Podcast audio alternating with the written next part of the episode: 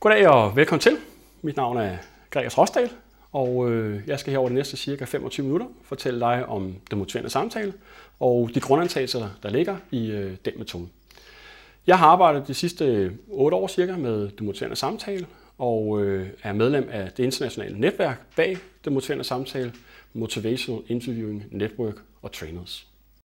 Min egen vej ind i den motiverende samtale, den er sådan lidt tilfældig og lidt kaotisk, øh, tror jeg man kunne sige.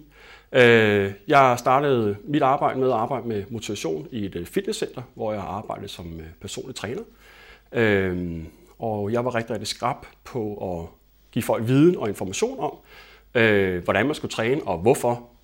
Ikke mindst, at det var vigtigt, at man kom i gang med at træne. Jeg kunne fortælle mange skrækhistorier og skrækscenarier om, hvad der ville ske, hvis ikke man kom i gang med at, at træne.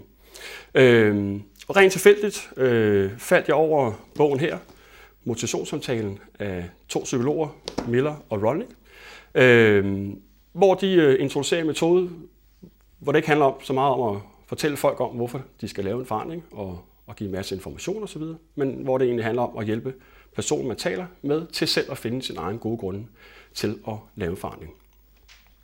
Og man kan sige, som man kan se på, øh, på slide 4 her, øh, at metoden er i vid udstrækning et opgør med, med det, som man kunne kalde for tankpassmodellen for motivation. Antagelsen om, at jeg er eksperten, og jeg skal fylde på dig og give dig en masse information om, hvorfor du skulle lave en given forandring. Det er jo farligt at ryge, så derfor bliver du nødt til at holde op med at ryge. Eller du kan nok se, at du har taget på over det sidste par år. Øh, din kolesteroltal er for høje, og dit blodtryk er også alt for højt, så du bliver nødt til at gøre noget ved din livsstil, eller